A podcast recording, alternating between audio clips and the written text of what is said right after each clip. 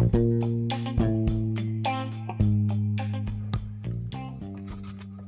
hai, saya Lucy. Uh, ini podcast pertama gue. Gue ingin bahas mengenai bagaimana kita membuat suatu sistem perusahaan atau setidaknya kita membenahi sistem perusahaan yang sudah ada untuk menjadi lebih baik. Uh, pertama yang akan kita bahas masalah personality. Uh, karena personality yang baik di dalam perusahaan seperti karyawan itu merupakan aset terbesar bagi kemajuan dan perkembangan perusahaan tersebut ya. Yang kedua, bagaimana cara kita memanage keuangan perusahaan atau cash flow agar kita tidak loss uh, dengan agar kita tidak loss.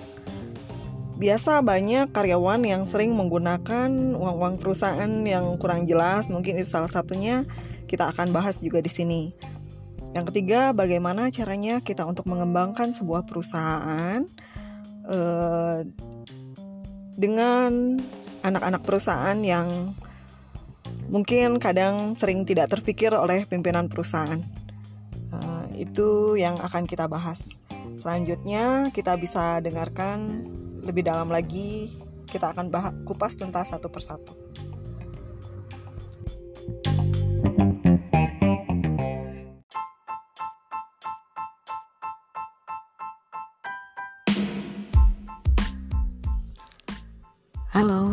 Lucy. Ini podcast kedua gue. Gue akan bahas masalah hidup seimbang, seimbang antara bekerja, kebahagiaan, dan kesehatan. Bagi kalian yang suka, bantu share, like, atau subscribe ya. Bekerja dalam hidup itu perlu, tapi kita tidak dapat bekerja setiap saat tanpa kita memperhatikan kebahagiaan dan kesehatan kita. Tanpa kita bahagia, kita tidak bisa sehat, dan tanpa kita tidak sehat, kita tentunya tidak dapat bekerja dalam hidup. Jadi, sesungguhnya hidup itu menurut saya bagaikan sebuah lingkaran. Hidup harus seimbang.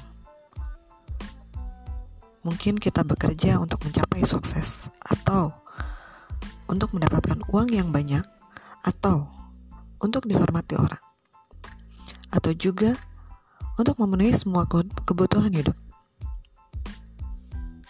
Bagi saya semua itu tidak akan berarti jika kita tidak punya kebebasan, kita tidak punya kehidupan pribadi, bahkan secara tidak sadar kita telah kehilangan kebahagiaan kita sendiri, atau bahkan kita menjual kebahagiaan kita sendiri secara tidak sadar.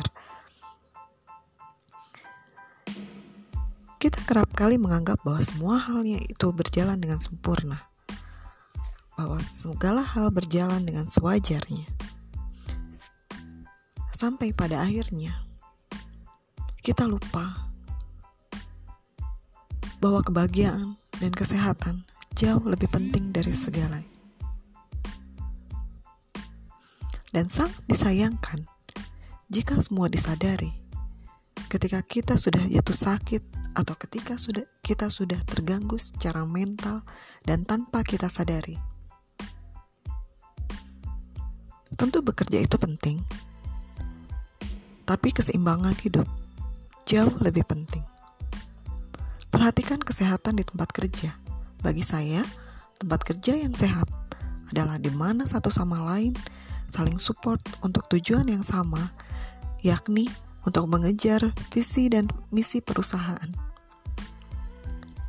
Bukan semata menitik beratkan pada personil individu untuk menjadi pecah dan saling menjatuhkan satu sama lain secara tidak sehat dan tidak sportif, yang pada akhirnya akan menghancurkan kelangsungan perusahaan itu sendiri.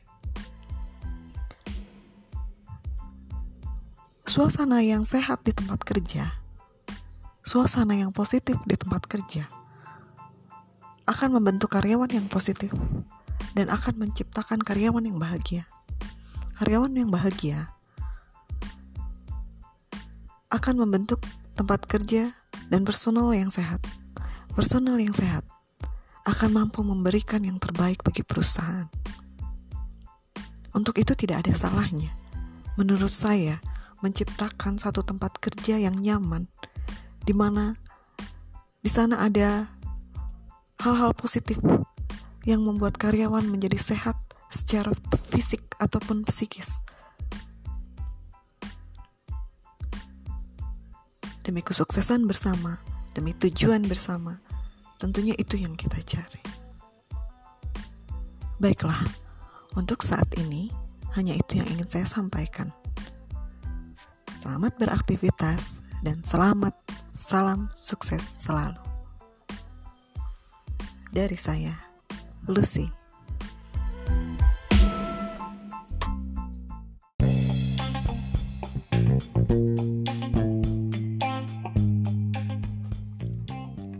Halo, saya Lucy. Ini podcast kedua gue. Seperti yang sudah dijelaskan sebelumnya bahwa saya akan membahas beberapa hal tentang personel dalam perusahaan. Di sini kita akan bahas gimana caranya kita memilih dan menempatkan tenaga kerja. Untuk hal pemilihan tenaga kerja tentu kita harus menyesuaikan ya kriteria yang kita cari dengan kebutuhan dari perusahaan itu sendiri. Sesuai dengan tingkatan dalam struktur organisasi seperti ada beberapa yang kita ketahui ya, ada beberapa tahapan uh, atau beberapa tingkatan seperti direksi, ada staf ahli, staf uh, senior, staf junior, sama menurut saya tim support. Untuk mencari tenaga kerja susah-susah gampang pastinya ya. Uh, untuk tingkatan direksi pasti yang akan kita cari bahwa karyawan tersebut harus berwawasan luas, paham betul dengan bidang ilmu yang sesuai dengan jenis perusahaan yang bersangkutan, mempunyai pengalaman yang cukup untuk menangani hal-hal yang berkaitan dengan jabatannya tentunya ya. Dalam hal ini direksi dituntut untuk menguasai seluruh operasional perusahaan. Dari segi personel, penempatan karyawan yang tepat, untuk masalah cash flow dan keuangan perusahaan, dia harus menguasai bagaimana caranya agar perusahaan bisa jauh dari kata defisit dan pastinya akan berkesinambungan langgeng ya. Direksi di sini biasanya dia memiliki suatu kemampuan atau keahlian di mana dia bisa mempelajari setiap karyawannya mengenai sifat, karakter, kebiasaan, kemampuan karyawan sehingga dia bisa menempatkan uh, si A di mana, si B di mana tepatnya untuk divisi apa. Biasanya mereka lebih paham dan mempunyai insting untuk hal tersebut.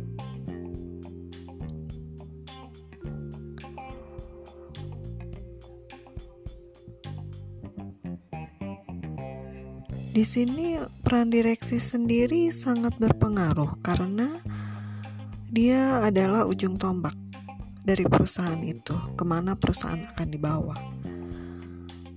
Dia juga harus menguasai market sebagai seorang direksi, diwajibkan untuk memahami benar produknya sendiri dan kualitas produknya sendiri dan bagaimana bisa mempertahankan produknya hingga dia bisa diterima untuk khalayak ramai ya. Dan orang terus menggunakan jasanya jasanya atau barangnya barangnya barangnya.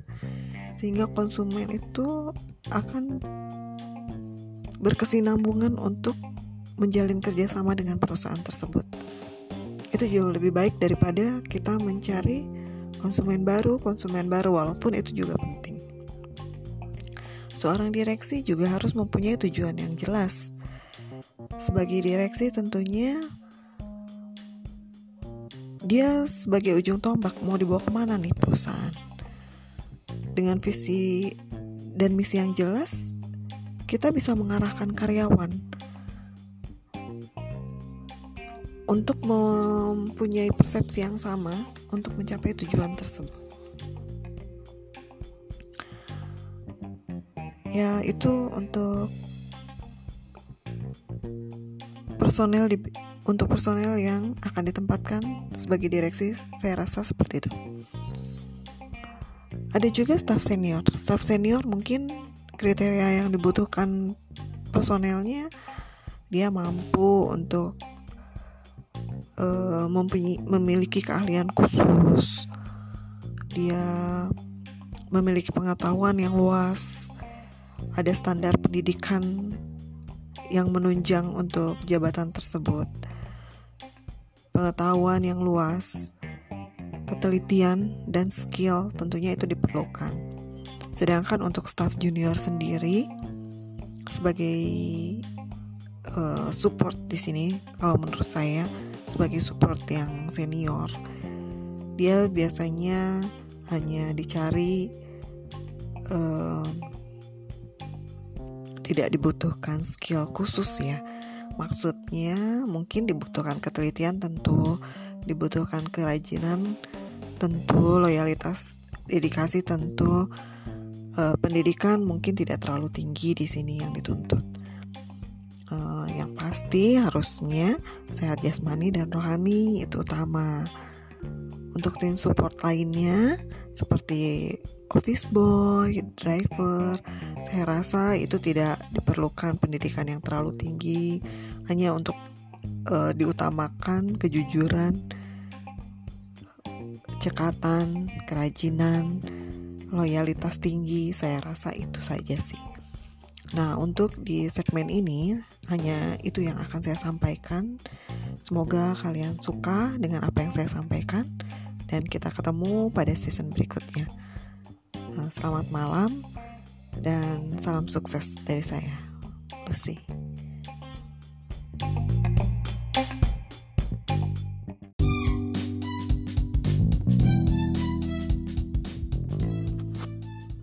Halo, selamat malam.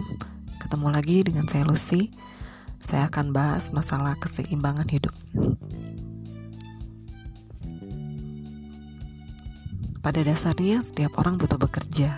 Pada dasarnya setiap orang butuh untuk hidup layak. Pada dasarnya setiap orang juga butuh untuk memenuhi kebutuhan hidupnya. Dengan semua hal yang saya sebutkan tadi, Maksud saya, setiap orang butuh bekerja.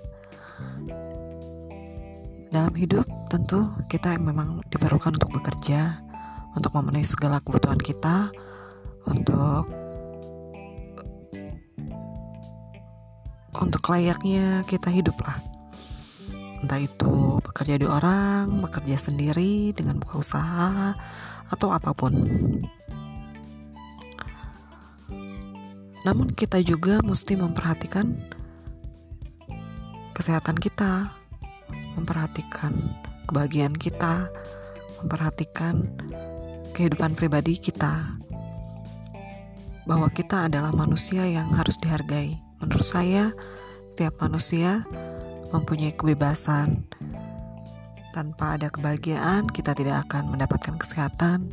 Tanpa kesehatan, kita juga tidak akan mendapatkan pekerjaan yang baik dan tidak akan mendapatkan penghidupan yang layak. Jadi sesungguhnya hidup itu menurut saya dibutuhkan suatu keseimbangan antara bekerja, kebahagiaan, kesehatan. Semuanya harus balance. Karena hidup itu ya memang harus seimbang.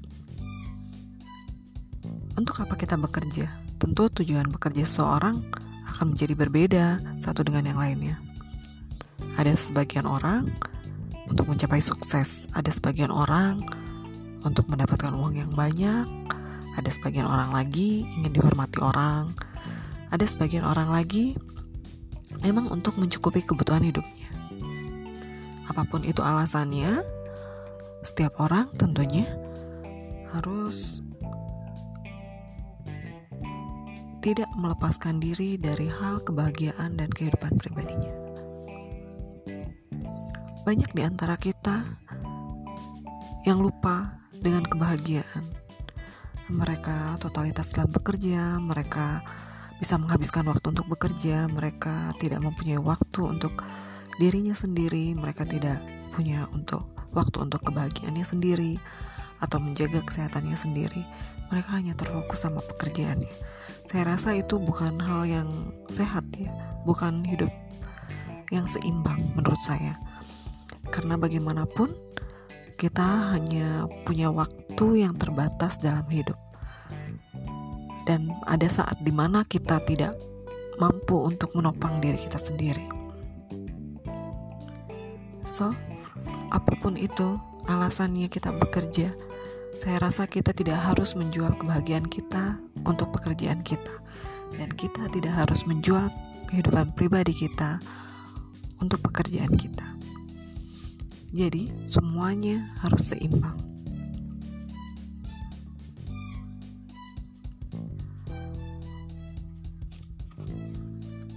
Buat saya kebahagiaan menopang kita untuk menjadi sehat dan sehat menopang kita untuk berpikir sehat pula. Dan di sana kita akan menghasilkan ide-ide yang cemerlang yang kita bisa gunakan di tempat kerja kita. Jadi kesuksesan itu intinya dari kebahagiaan. Dan semuanya akan dengan mudah mengalir sesuai yang kita inginkan. Banyak di tempat kerja yang tidak sehat. Tujuan utama perusahaan apa? Intinya tujuan setiap perusahaan mempunyai visi dan misi, tapi pada kenyataannya eh, banyak juga yang karyawan tidak memahami visi dan misi perusahaan, sehingga fokus mereka itu akan hal lain. Mereka tidak uh, bergabung untuk mencapai visi misi perusahaan, tapi mereka lebih mementingkan egonya masing-masing. Pada suasana yang seperti demikian, pada lingkungan kerja yang demikian, menurut saya itu bukan hal yang baik. Itu hal yang tidak sehat, baik secara psikis maupun secara fisik, karena dari psikis dia akan mempengaruhi kesehatan fisik kita. Jika di lingkungan kerja sudah tidak sehat, dia akan menciptakan hal-hal yang negatif di sana, pemikiran negatif, sikap negatif, dan itu akan terbawa pada kesehatan kita sendiri. Jika psikis kita tidak sehat, maka fisik kita pun akan menjadi tidak sehat. Fisik kita tidak sehat, maka pemikiran kita tidak sehat. Pemikiran yang tidak sehat tidak akan menghasilkan hal-hal positif untuk perusahaan itu sendiri atau tidak akan menghasilkan ide-ide yang cemerlang dan pada akhirnya perusahaan sendiri yang akan dirugikan dan karyawan pun tidak akan disejahterakan karena kondisi perusahaan yang tidak baik.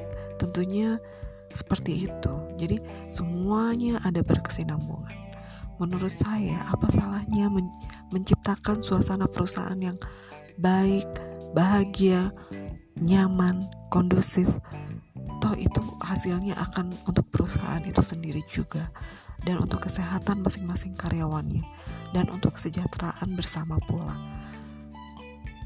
Saya rasa itu yang ingin saya sampaikan pada malam ini dan ini adalah penting karena banyak sekali perusahaan atau ada mungkin ada beberapa yang mereka mungkin kurang memperhatikan ini. Bahwa suasana kerja adalah mempengaruhi dari kinerja karyawannya itu sendiri. Uh, itu intinya yang ingin saya sampaikan ya. Uh, jadi pada sesi ini uh, demikian yang ingin saya sampaikan. Uh, selamat beristirahat. Uh, salam sukses Lucy.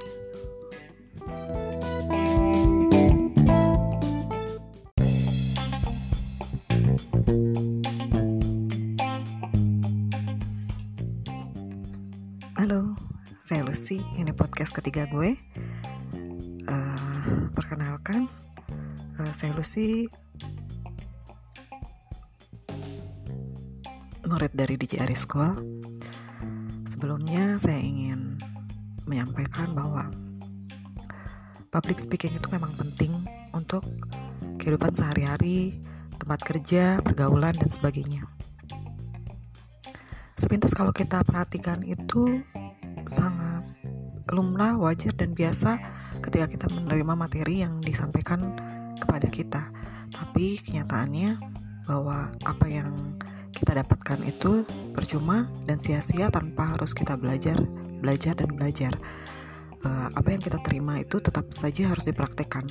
Tanpa dipraktekkan, sebuah teori itu akan menjadi sia-sia dalam public speaking.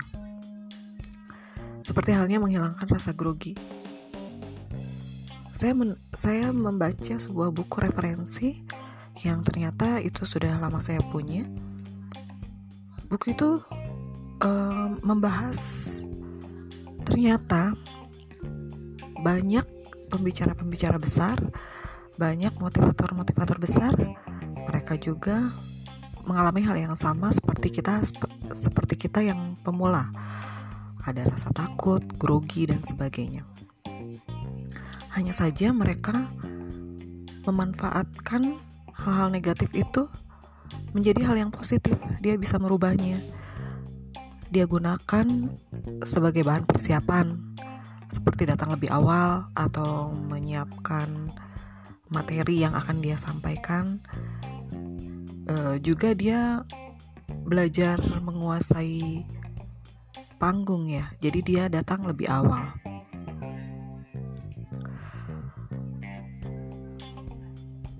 Jadi itu aja itu saja yang saya ingin sampaikan bahwa ternyata public speaking itu sangat berguna buat kehidupan kita sehari-hari. Dan apabila kita sudah berani untuk uh, tampil di muka umum ternyata itu akan menambah rasa percaya diri kita. Dan saya pun menyesal bahwa saya tidak mengikuti pendidikan ini beberapa waktu yang lalu yang mungkin akan merubah saya menjadi lebih baik atau setidaknya uh, mungkin saya tidak seperti ini saat ini. Tapi tidak menurut saya tidak ada hal yang sia-sia apa yang kita kerjakan apa yang kita lakukan saat dulu mungkin pengalaman buat kita saat sekarang eh, bagaimana kita mengolah ke depannya mungkin penentuan apa apa yang kita lakukan saat ini itu menentukan kita di depan dan lebih penting lagi apabila kita terus-terus belajar belajar dan belajar. Saya hanya ingin ucapkan terima kasih banyak untuk Diari yang sudah membimbing saya terutama dan rekan-rekan pada umumnya untuk menjadi kita berani tampil di muka umum seperti ini. Uh, sukses selalu buat DJ Ari dan sukses buat kita. Uh, akhir kata saya ucapkan terima kasih. Uh, salam sukses Lucy.